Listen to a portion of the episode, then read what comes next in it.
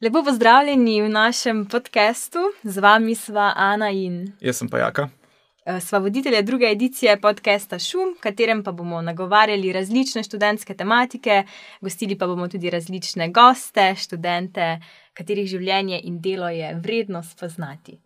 Naš podcast lahko poslušate na spletni strani študentskega sveta Univerze v Mariboru pod zavihkom podcasti, tudi na Spotifyju bomo, če nas še mogoče ni tudi na YouTubu, splača se nas pa spremljati tudi na Instagramu študentskega sveta Univerze v Mariboru, saj bodo tam potekale nagradne igre za poslušalce podcasta.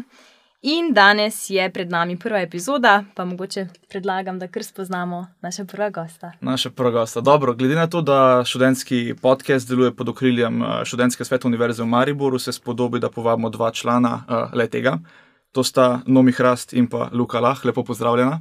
Zdravo. Dober dan. In če kar začnem, nomi s tabo, lahko ti si diplomirana ekonomistka. Sicer pa si trenutno um, na položaju prorektorice za študentska vprašanja Univerze v Mariboru, kar pa potem sovpada tudi s položajem predsednice študentskega sveta Univerze v Mariboru. Uh, Točno tako. Upam, da nisem česa zgrešil, drugače pa kako bi se sama predstavila?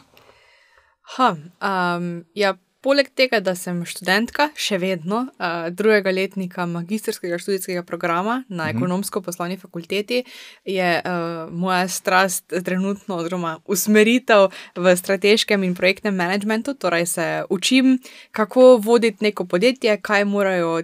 Kako presojati, ali je neko podjetje uspešno ali ne. Um, in ja, tudi to se da študirati. Uh, Poleg tega pa pravzaprav vse svoj čas namenjam temu, da študentski svet Univerze v Mariboru deluje, da izvajamo projekte, da zastopamo mnenje študentov. Um, ja, to je bolj ali manj to. In pa pač preostanek časa pa potem namenim ali um, osebnemu življenju, se pravi pač uh, mački, partnerju in pa če ostane čas, kakšen v sprehodu in pa prijateljem. Ja, super, pa se sem zdaj v tej minutki povedala kar veliko, no? tako da imaš kar pestro, če lahko jaz to pripomnim. Verjamemo pa, da ima pestro tudi Luka. Luka Lah, ti si študent medijskih komunikacij na Feriju, pa tudi sekretar študentskega sveta Univerze v Mariboru. Bi se s tem strinjal, kako bi se ti sam mogoče opisal, kaj bi dodal, da je še pomembno v tvojem življenju? Definitivno enako kot Nomi, v prvi vrsti sem študent, eh, trenutno absolvent, torej uživam na polno, koliko se le da, oziroma boljše rečeno, koliko čas dopušča. Drugače pa ja, upravljam delo sekretarja na ŠUSUM, eh, študiram medijske komunikacije, eh, zdaj ne, eh, naslednji leto spet. Um, drugače pa prosti čas namenjam športu, prijateljem, um, rad hodim ven, ni skrivnost, uh, ampak tudi vem, kdaj kako knjigo pobrati v roke, pa bolj kak sproščen večer preživeti sam za sabo. Torej, zdaj v času Deep. absolventa bi rekel, da imaš malce več časa za prostočasne dejavnosti in hobije. Eh, da, pa ne, ker tisti prosti čas, kaj sem pridobil z absolventom, zdaj mogoče malo več namenjam tudi za delo, um, ampak nek odstotek pa zihar se tudi še nameni čemu drugemu, ni, ni tako grozno, kot opisujem. Če lahko nekaj pripomnim, Luka, ti si zdaj kot upokojenec. Oni tudi, ko pridejo v penzijo, so vedno bolj zaposleni kot takrat, ko niso bili v penziji. Ti Ker... si imaš zdaj absolventa in imaš zdaj fraj in si bolj zaposlen kot prej, ko si pač še normalno študiral. No, potem pa sem poleg študenta še tudi tak en mini upokojenec, potem, potem takem. Dobro, tako da torej boš že navaden, kaj početi, ko boš bil star na 70 let. Ne? Ti boš imel že vse, boš navaden. No, že imel CV napolnjen z vsemi kreditacijami, kaj jih rabim. aktivnostmi. Tako.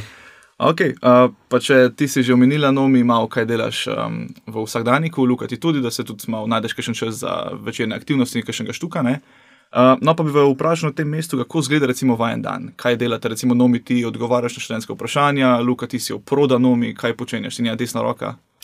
Desna, leva, včasih tudi noge, kajkoli se rabe. Točno um, tako. Moj dan, ne vem, popre, mislim, težko opišem, kako je poprečen dan, ker je vsak dan za sebe specifika, ampak neke, neke podobnosti so, zbudim se vsak dan ob sedmih. Uh, imam zajtrk, uh, če čas dopušča, grem, na, grem na, grem na univerzo, naredim stvari, ko jih moram narediti, potem pa je počasi že čas za kosilo, grem ali jaz domov ali pa na kako kosilo na bone, um, popoldne še spet kaj delam za univerzo ali pa pač namenim čas sebi. Kam pa hodiš na raje na bone, če smem vprašati? Čisto odvisno. Uh, prej, ko sem še študiral, sem najraje hodil v Icmarta na ferijo, ker je blizu, zdaj, mm -hmm. ko sem absolvent, pa meni toliko na ferijo, pa kamorkoli pod zanese, oziroma karkoli. Baščarši je, na primer, veliko krat zadiši, ker živim blizu, Uh -huh. uh, ampak ja, ponavadi je treba tisti, ko pet minut pred kosilom odloči, kaj bomo jedla. tako da. Ok, pošteno, pošteno. Všeč mi je, da ga jemliš za, sose, za posebej osebo, no, ki pač, Mislim- eh, kaj bosta jedla. Včasih pač ima včasih treba. ima svoje mnenje, ki je kontra mojemu mnenju in ne moremo glih oporekati. Res je. Ja, glava včasih hoče jesti nekam drugam, ne? ampak če je treba preveč lačen, potem greš na tisto stvar, ki je najbližje. Ne? Dobro, no mi kako pa tvoj dan izgleda? Uh, jaz se tudi zbudim zjutraj, uh, pač mogoče malenkost prej kot Luka, um, okoli šestih, pol sedmih, pač odvisno, kaj imam, če je treba še prej. Uh, in pa vsako jutro pač pojem zajtrk, to je tista ena gola osnova, če imam čas, se še stoširam zjutraj, ker je dosti boljši začetek dneva, če greš po tuš. Um, in ja, in um, potem, ko pojem zajtrk, spijem zdaj več ne kave, zdaj pijem pač cikorijo, uh, se pravi, da se počutim kot babica, če je Luka upokojen, sem lahko kot babica. Um, In potem pa pač ali grem s kolesom, ali grem peš, ali pa pač se pridružim Simonu, ko se odpelje uh, na delo, in pa grem skoraj vsak, ja, vsak dan, pa po vsej verjetnosti najprej zjutraj na rektorat. Uh, pomeni, da so vedno neke ali seje, sestanki, uh, kolegi, v glavnem ni da ni, pač vedno je nekaj, uh, vmes provam odgovoriti čim več mailov, kar je možno, pa vedno se kak izmuzne. Uh, ni se še zgodilo, da bi vse videla. Uh, ja, potem pa pač upam, da je vsak dan čas, da pojem še nekaj za kosilo, uh, tudi kot Luka, ponavadi na bone. Um, ja, in pa potem pa proti koncu dneva moj dan se pa naj zaključi okoli petih, šestih, sedmih, osmih, tu nekje. No. Uh, potem pa domov, pač, To je kar širok razpon ur. pač odvisno, kak dan je. No. Včeraj se zaključil ob desetih zvečer, pa, pač tako se zgodi. Um, ampak ja, potem pa domov. Uh, najprej spet pod tuš, uh, da se uh, aklimatiziram na domače okolje, potem pa če treba še kaj narediti na računalniku, potem pa ponovadi crtanje z mačko, kuhanje, kaj, kaj spečem, berem kako knjigo, bolj ali manj poleti. Um, in pa ja, zdaj trenutno kvačkam. O, super. Poven dan. Ja, Zelo poln dan. In si znamo predstavljati, da tudi tvoja vloga kot prorektorica za študentska vprašanja vzame veliko časa.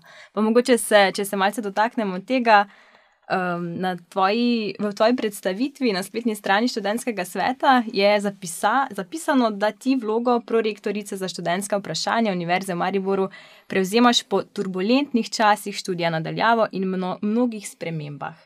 Um, mogoče lahko o tem poveš malce več. Hm, ja, um, mislim, vsi vemo, da pretekla tri leta, oziroma dve leti, kakorkoli, so bili dokaj zanimivi, pač z tega vidika, ker smo bili vsi postavljeni pred neko preizkušnjo. In študenti, in profesori, in, in pravzaprav vsi, kar kdorkoli pač je bil na svetu, in smo se mogli v zelo kratkem času zelo veliko svojega dela prilagoditi. Um, Tudi študenti, nekateri so bili prikrajšani, nekateri niso bili. Jaz zase lahko povem, da so se naši profesori nadpovprečno potrudili, da smo se mi počutili leta 2020, ko smo bili nadaljavo na študiju, najbolj vključeni, kar je bilo možno, da smo se pogovarjali o stvarih enako, kot če bi bili v predavalnicah. In jaz mislim, da so to pač vseeno neke izkušnje, ki jih nesemo zdaj sabo življenje, pa veliko generacij po eni strani upam, da ne bo imelo take izkušnje, po drugi strani pa verjamem, da pač tega ne bodo mogli izkusiti. In pa tudi, kar se tiče študentskega delovanja in projektov, ki jih izvajo študentski sveti, je velika razlika. Mi smo v enem momentu mogli narediti vse nadaljavo. Predavanja, zabave, brucovanje. Mi smo imeli brucovanje online, mislim, pač, kdo je to, to že kdaj slišal, ampak ok, se je dalo, pač stand-up je bil. Mogoče ne najbolj posrečen, ampak glej, pač bilo je, izvedli smo. Um, in zdaj pač se zadeve pos, pos, spet postavljajo v neko normalno, hkrati pa imamo tukaj študente, ki so zdaj začeli študij, ki pa so bili navajeni tudi v srednji šoli še imeti študij nadaljavo. Um, tako da pač vsi se nekako na novo učimo, na novo privajamo, ampak jaz mislim, da pač najdemo neke nove vzorce. Ki nam pa ustrezajo. Um, ne vem, mogoče jim tem generacijam bolj ustreza več zabav ali pa več izobraževanj, pač čisto odvisno.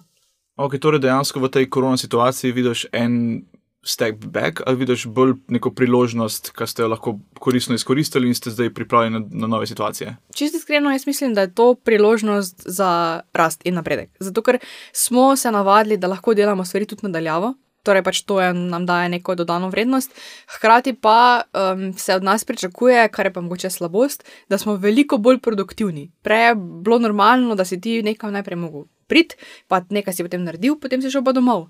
Zdaj pa ta vmesni čas, ko si ti pravzaprav potoval od točke A do točke B, bi ti že mogel delati. Ti bi, ti, od tebe se pričakuje, da imaš enako mero produktivnosti, kot si jo imel med korono, ko si bil več čas doma. In to jaz mislim, da in na starejše generacije, tudi na mlade, postavlja veliko stresa dodatnega, ki po eni strani pač nas spodbudi k temu, da iščemo nove rešitve, recimo chat GPT, da si pomagamo pri vsakodnevnih nekih banalnih opravilih ampak hkrati pa tudi lahko marsikoga postavi v neko stisko. In tukaj moramo sami pri sebi postaviti meje, pač dokot dovolimo, da nas delo požre, oziroma neke obveznosti, pa kje pač si postavimo mejo, pa rečemo ne, to pa je to. In tako kot Luka si vzamemo pač čas zase zvečer. In, uh, Se sam sabo ukvarjamo. Okay. Odlično. Mislim, da je res pomembno, ja, da si pri vseh obveznostih, ki jih imata, znata vzeti tudi čas zase. Jaz se še učim. Zim, če si ne vzameš časa za sebe, te čas in stvari enostavno povozijo. In določeni točki pač moraš sam sebi ročno zavoro zategniti, pa si reči, da je čas za sebe, daš na prvo mesto svoje zdravje, ker pač ti lahko samo tako dolgo vztrajaš, pa spregleduješ, da si bolan, da si prehlajen kajkoli, ampak slejko prej ti telo samo sporoči, stoj. In pol raje se ustaviš pred to točko, ker si enkrat na tisti točki, se težko vrniti. Zato se mi zdi res pomembno, da se vsi zavedamo izgorelosti, ki je dokaj pereč problem. Mislim, jaz sem pred korono izgorela in pač hvala Bogu ni bila to. Tako huda izgorelost, kot jo nekateri izkusijo, um, ampak vseeno pač je pa še vedno nosim en prsten kot opomnik na, pač na to, kako občutek je, ko, ko, ko imaš tako tesnobo, tako paniko, tako anksioznost, da, ne, da ne moreš iti v trgovino. Noter, pač, da, to so neopisljivi pač, trenutki in izkušnje, in mislim, da celo življenje pač potem to nosiš s sabo. Um, te zadeve te ne spustijo, sam pač moraš se naučiti živeti s tem. In, um, jaz si ne želim, da bi danes na koncu vsak mlad mogel eventualno izgoreti, da bi to bil potem tisti um, kriterij, zato da boš potem ti začel ceniti čas, ki ga imaš eh, za sebe in tako naprej. In pri sebi jaz opažam, pač saj vem, kje je tista moja točka zloma že skoraj da, ampak problem, ki ga imam, je, da še vedno rinem proti tej točki vedno znova in znova. Tako da eh, se moramo malo več učiti od Luke, očitno. Ja, ker dejansko so najhiš, najhujši lih tisti primeri, vsaj iz mojih izkušenj, ki dejansko so lih na meji pred izgorelostjo, ampak potem so vem, več let oziroma celo kariero, potem samo vse plažejo, da, da so v redu, da jim ni nič hudega, ampak nikoli pa ne izgorijo. Ne? In dejansko niso nikoli prav zares efektivni, hkrati pa niso nikoli izgoreli. Ja, in to te, to te pač celo življenje nosiš to zraven. In um, nekaj smisla povedal, pa sem pozabila kaj. Ah, ni panik, imamo še ne 15 minut, da se spomniš. Hvala, Nomi, da si delila to svoje izkušnje z nami. Verjamem, da bo mogoče marsikateremu študentu svoje besede se vlegle na dušo in bodo malo razmislili, da si vzamejo tudi čas zase. Um, Vseeno, v našem storilnostnem svetu pa nas mogoče pri delu vodijo tudi različni kvoti. Ampak tam vidimo, mogoče kakšne kvote, ki vaju vodijo pri delu, recimo Luka. Uh, mi dva ni skrivnost, da smo malce pobrskali po spletu, uh, glede vaju, ne? in smo tudi naleteli na en kvot: uh, Miracles don't happen, they are made. Kaj ti ta kvot pomeni? Uh, to je kvot, ki si ga jaz lastim za svojega. Uh, to, je, to je bilo, mislim, da je bil en večer. Ko smo bili z nami v pisarni, pa res je bil neki, neki dogodek, nekaj pač oba so bila že na koncu živci, na koncu z energijo. In je nekako pač ta misel mi v glavo priletela, da jih pač se čudeži ne zgodijo, ampak so narejeni. In, in je še zdaj na tabli, v pisarni. V pisarni ga imamo na tabli, v levem zgornjem kotu, na veliko napisanega, pa služi kot neki opomnik, da pač smo močnejši, kot si mislimo, ampak spet do neke meje, ki jo telo prenese. In um, Ja, sem pa brsko po spletu, če že kdo prej kdaj to rekel, zato, uh, ker nisem tam najdel nobenega avtorja, sem si ga kar kot svojega prelastil in zdaj dekorira moje boje v Instagramu. In ne, vse tako zelo, zelo moder kvot se mi zdi, ker res, ko sem postal tvoj profil, sem bil siguren, da to si nekje najdel na neki Wikipediji ali pa na nekih mislih dneva in si jo potem gor prelimo. Mislim, da moraš povedati, da je lukalah. Lepikalah. Ja. 22 bi to bilo, oziroma 23, ja, 23 je bilo. To moraš še in potem, ko zapustiš svojo pozicijo, daš tole v okvir in za zmeraj daš na svojo pisalno mizo. Very oh, smart. Jo, je to, so, kako bi rekel, taki long shot idije, čeprav lepo zvenijo. Kaj pa nomi, imaš ti mogoče kak kvot, ki ti je pomemben, ki te vodi pri delu? Imam, ampak eh, ne vem, če me glih vodi pri delu. Um, me pa tako, me pa tako kot neko življenjsko vodilo. In nekje sem ga našla, ko sem bila še, mislim, na začetek srednje šole tu nekje in sem je tako vsidral, da ga imam, mislim, da zdaj že ene skoraj da deset let v boju, tudi na Facebooku. Um, in sicer, da otroci ne potrebujejo kritikov, ampak potrebujejo vzornike.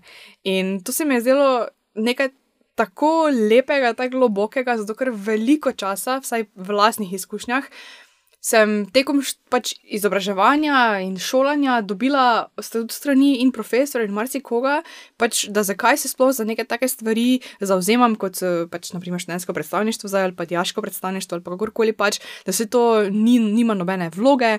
Da, slišala sem že, vem, da, da itek nikoli ne bom uspela v življenju in da bom pač na koncu itek na zavodu za zaposlovanje brezposelna. Da, um, najboljše, najboljše je bil komentar ene profesorice, ki mi je rekla, da ona ne razume, kako jaz na ustnem spraševanju ne morem izustiti enega stavka, medtem ko pa na nekih dogodkih lahko nekaj govorim. Uh, in, da, pač, in take stvari so mi potem pač so mi kot, um, ne vem, kot neko. Ne vem, kako se temu zdaj točno reče, ampak kot neke Motivacija. motivacije, iskrice, vse to, da pač za ta kvot, da če že kaj, vse tisti mladi, ki so, ki prihajajo, tudi tisti, s katerimi mi dva, mi dva zelo delava, da pač moramo se potruditi, da nekoga naučimo, da mu damo priložnost, da pač eh, se razvija, da, da ugotovi svoje potencijale, da pač ga ne kritiziramo vedno znova in znova, ker to ni edini način, da nekdo lahko zraste. To, da ga ti potovčeš z uh, hamrom po glavi, pač žal, s tem ne boš dosegel, da bo nekdo bil uh, bolj samozavesten sebe. Ampak s tem, da ga pa podpiraš, da mu na lep način poveš, spoštljivo komunikacijo.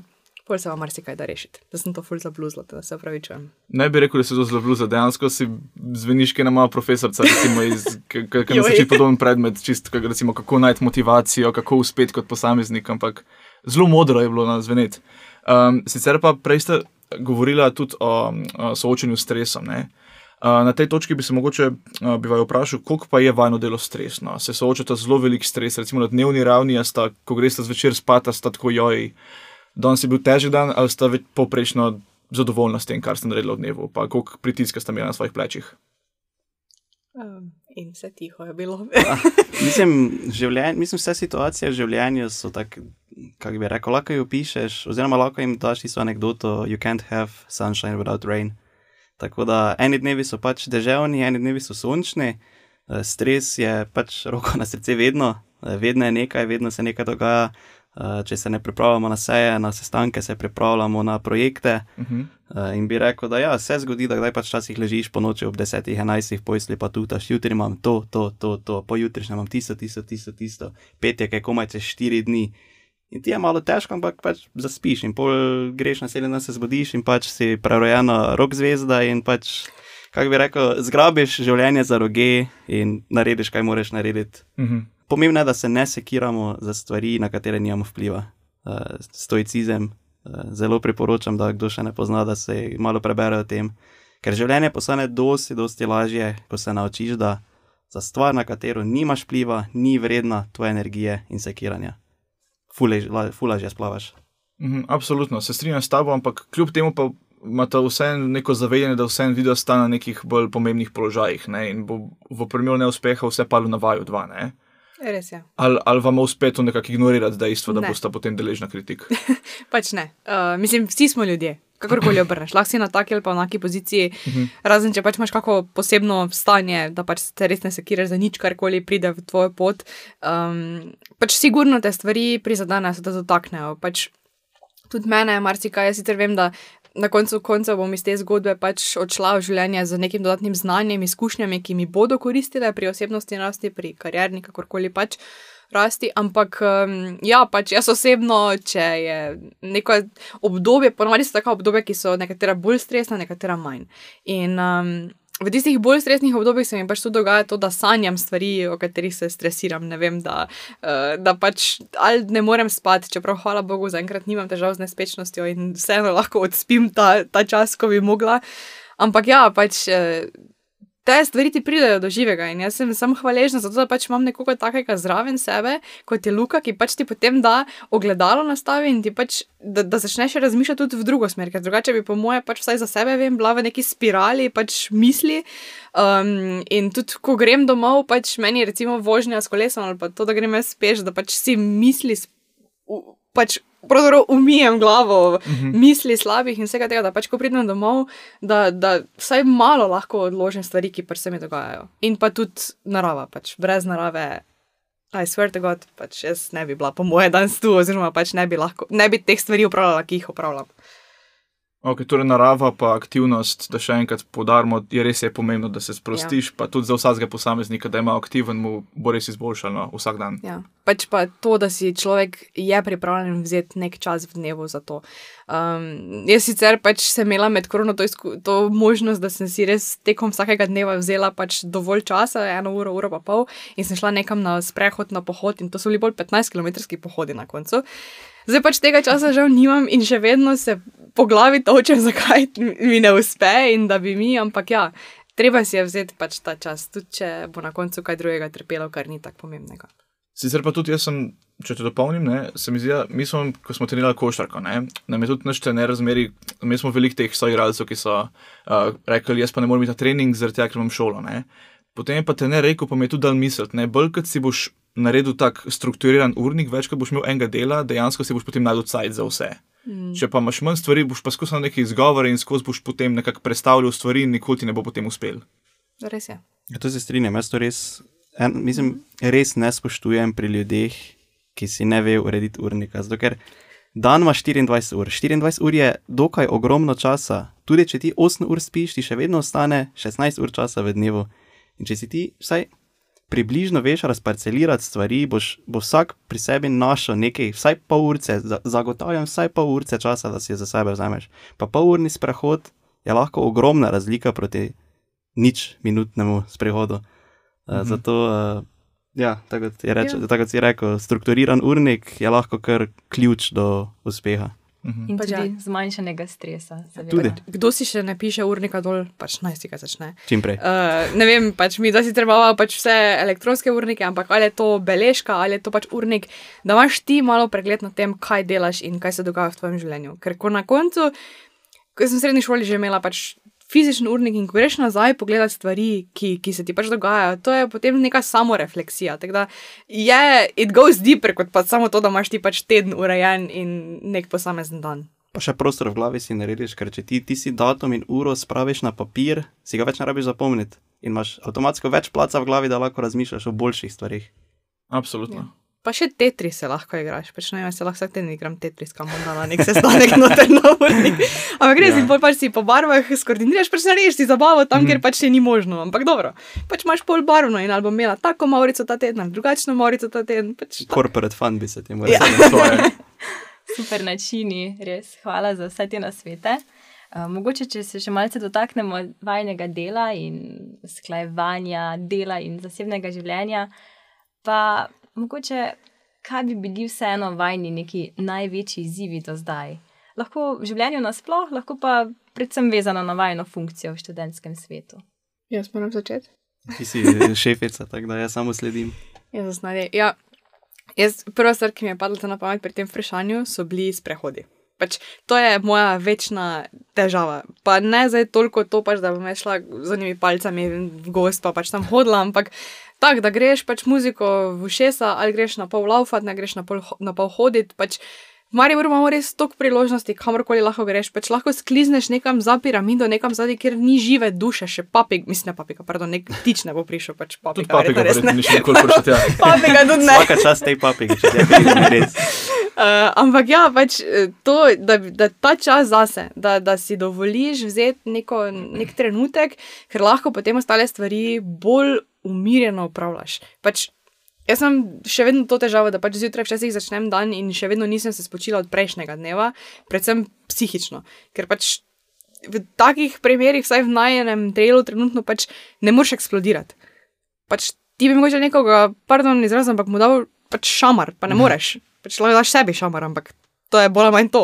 In pač v tistem momentu stres žogice žal ne pomagajo. Pač moraš biti toliko, da to nekam potlačiš, da pač.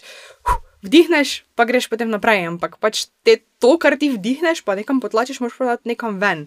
In zdaj to govorim, kot da sem ful neki modrec, pa ne vem, kaj še vse, ampak pač nisem, ker jaz tudi nisem še tam. Ampak vidim pa pri sebi, da če stvari ne razpucam, se mi potem to vleče. In to, kar se vleče, to zagotovo ni dobro za zdravje na dolgi rok.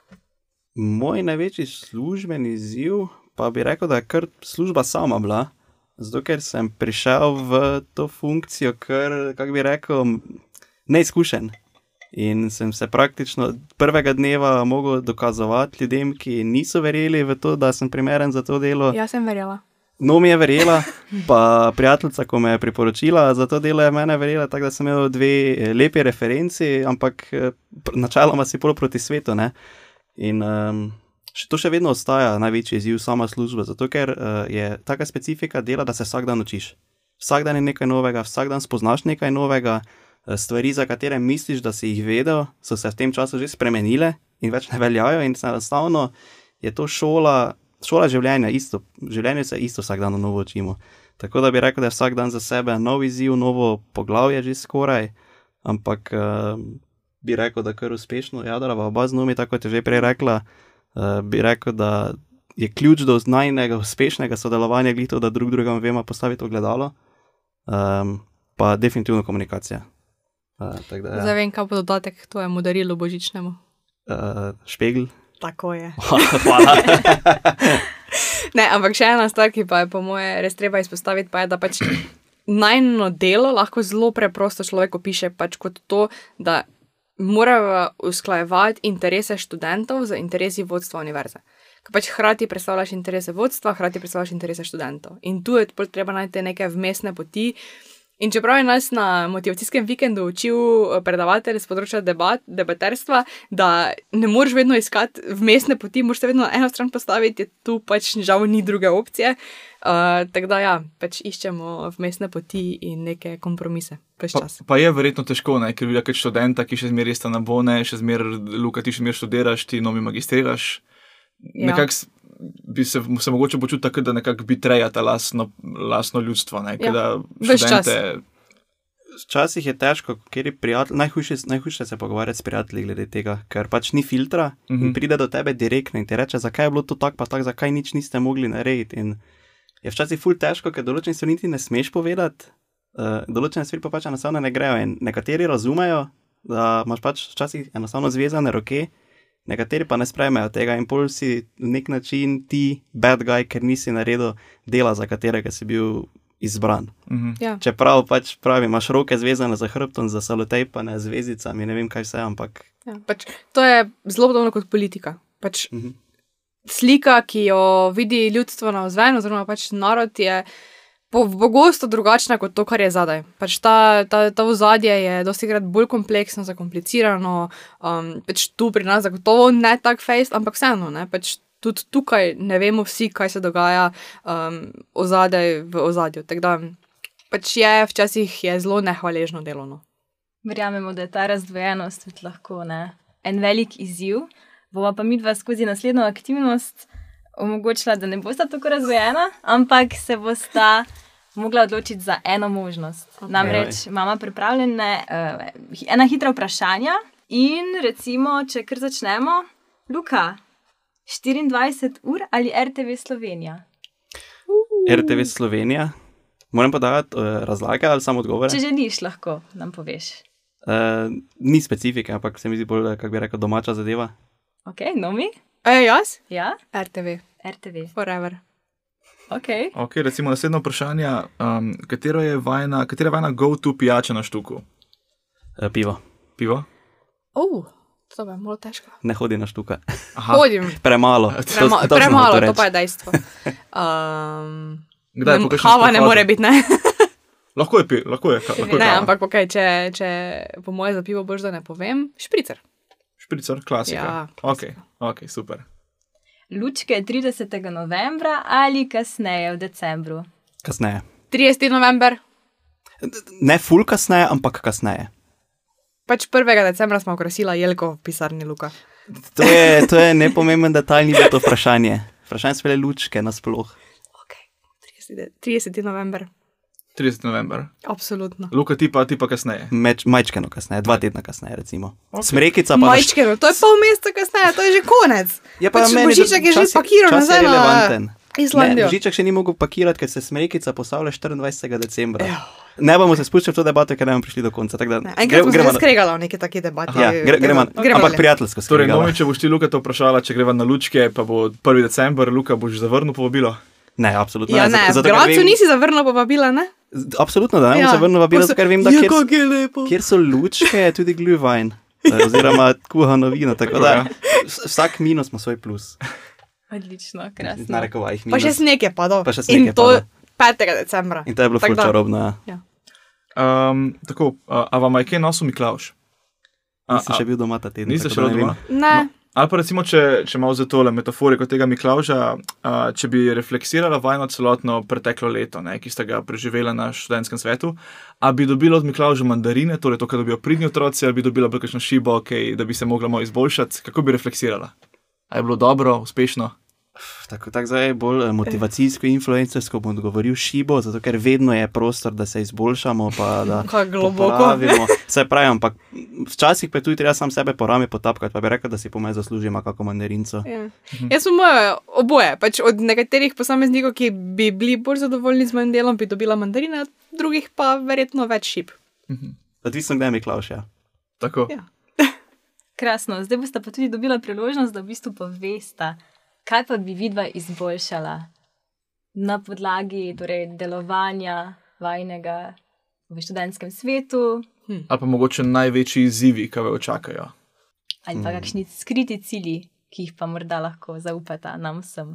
Več, ravno prej smo se pogovarjali o, o tem, da bi mogoče tudi več vpeljali zelenega prehoda v delovanje študentskih svetov, v same projekte, ki jih izvajamo, glede na to, pač, da Univerza v Mariboru ima te stvari v svoji strategiji, ima uh, te stvari tudi pač v NOO pilotnih projektih, ki so zdaj za prenovo visokošolskih programov.